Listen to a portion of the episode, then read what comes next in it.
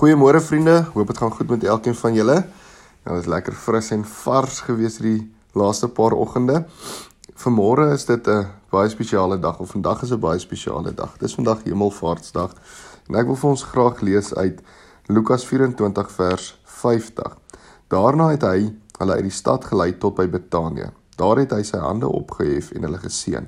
Terwyl hy hulle seën, het hy van hulle af weggegaan en hy is in die hemel opgeneem.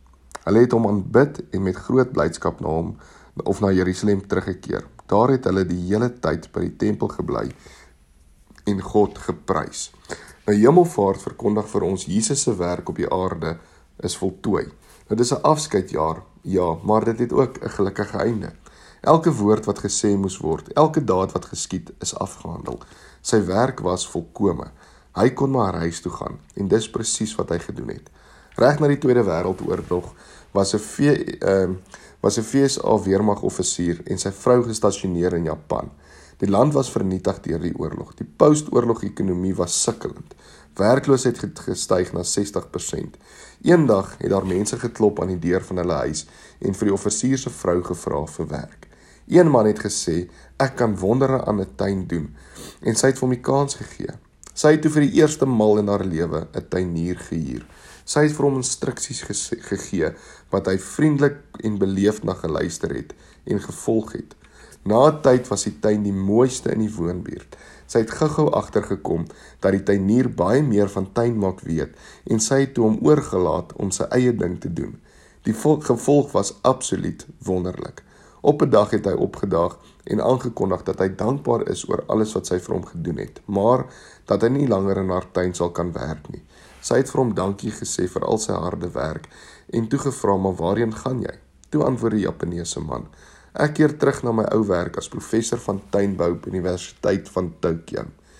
Vriende, en dis presies wat Jesus met sy hemelvaart gedoen het. Hy het teruggekeer na sy werk as koning en regerder van die wêreld.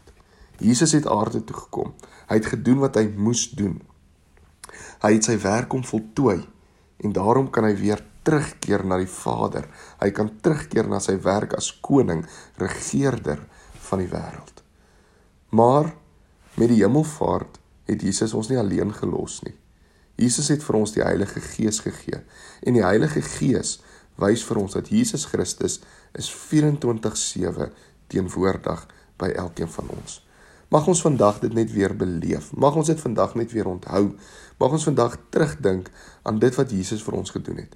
Mag ons terugdink aan God se liefde vir ons, dat hy sy enigste seun gestuur het sodat daar 'n nuwe brug gebou kon word tussen ons en God. En mag ons ook weet dat Jesus het opgevaar, maar ons is nie alleen nie. Die Heilige Gees is hier by ons teenwoordig. Die Heilige Gees help ons, beskerm ons en lei ons. Die Heilige Gees is God en Jesus se teenwoordigheid in elkeen van ons se lewens. Mag elkeen van julle 'n wonderlike dag verder hê. Kom ons bid saam. Here, dankie vir die kruis. Dankie vir die graf. Dankie dat U uit die dood uit opgestaan het. Maar dankie dat ons weet U het ook opgevaar na die hemel en dat U sit aan die regterhand van God en U is daar om vir elkeen van ons plek voor te berei. U is daar vir voorspraak. Here, maar dankie ook vir die Heilige Gees wat U gestuur het. Die Heilige Gees wat vir ons die krag gee om elke dag te kan aangaan. Here, maak dat ons vandag ook as 'n spesiale dag en as 'n wonderlike dag sal sien, Here. 'n Dag sal sien waar ons ook kan uitgaan en die evangelie kan verkondig. Daardie opdrag wat U gegee het, Here, aan die disippels. Maak dat ons ook sal uitgaan en die evangelie verkondig oor die wêreld heen. Dankie dat ons dit vir U mag vra, o Heer. Amen. Mooi dag.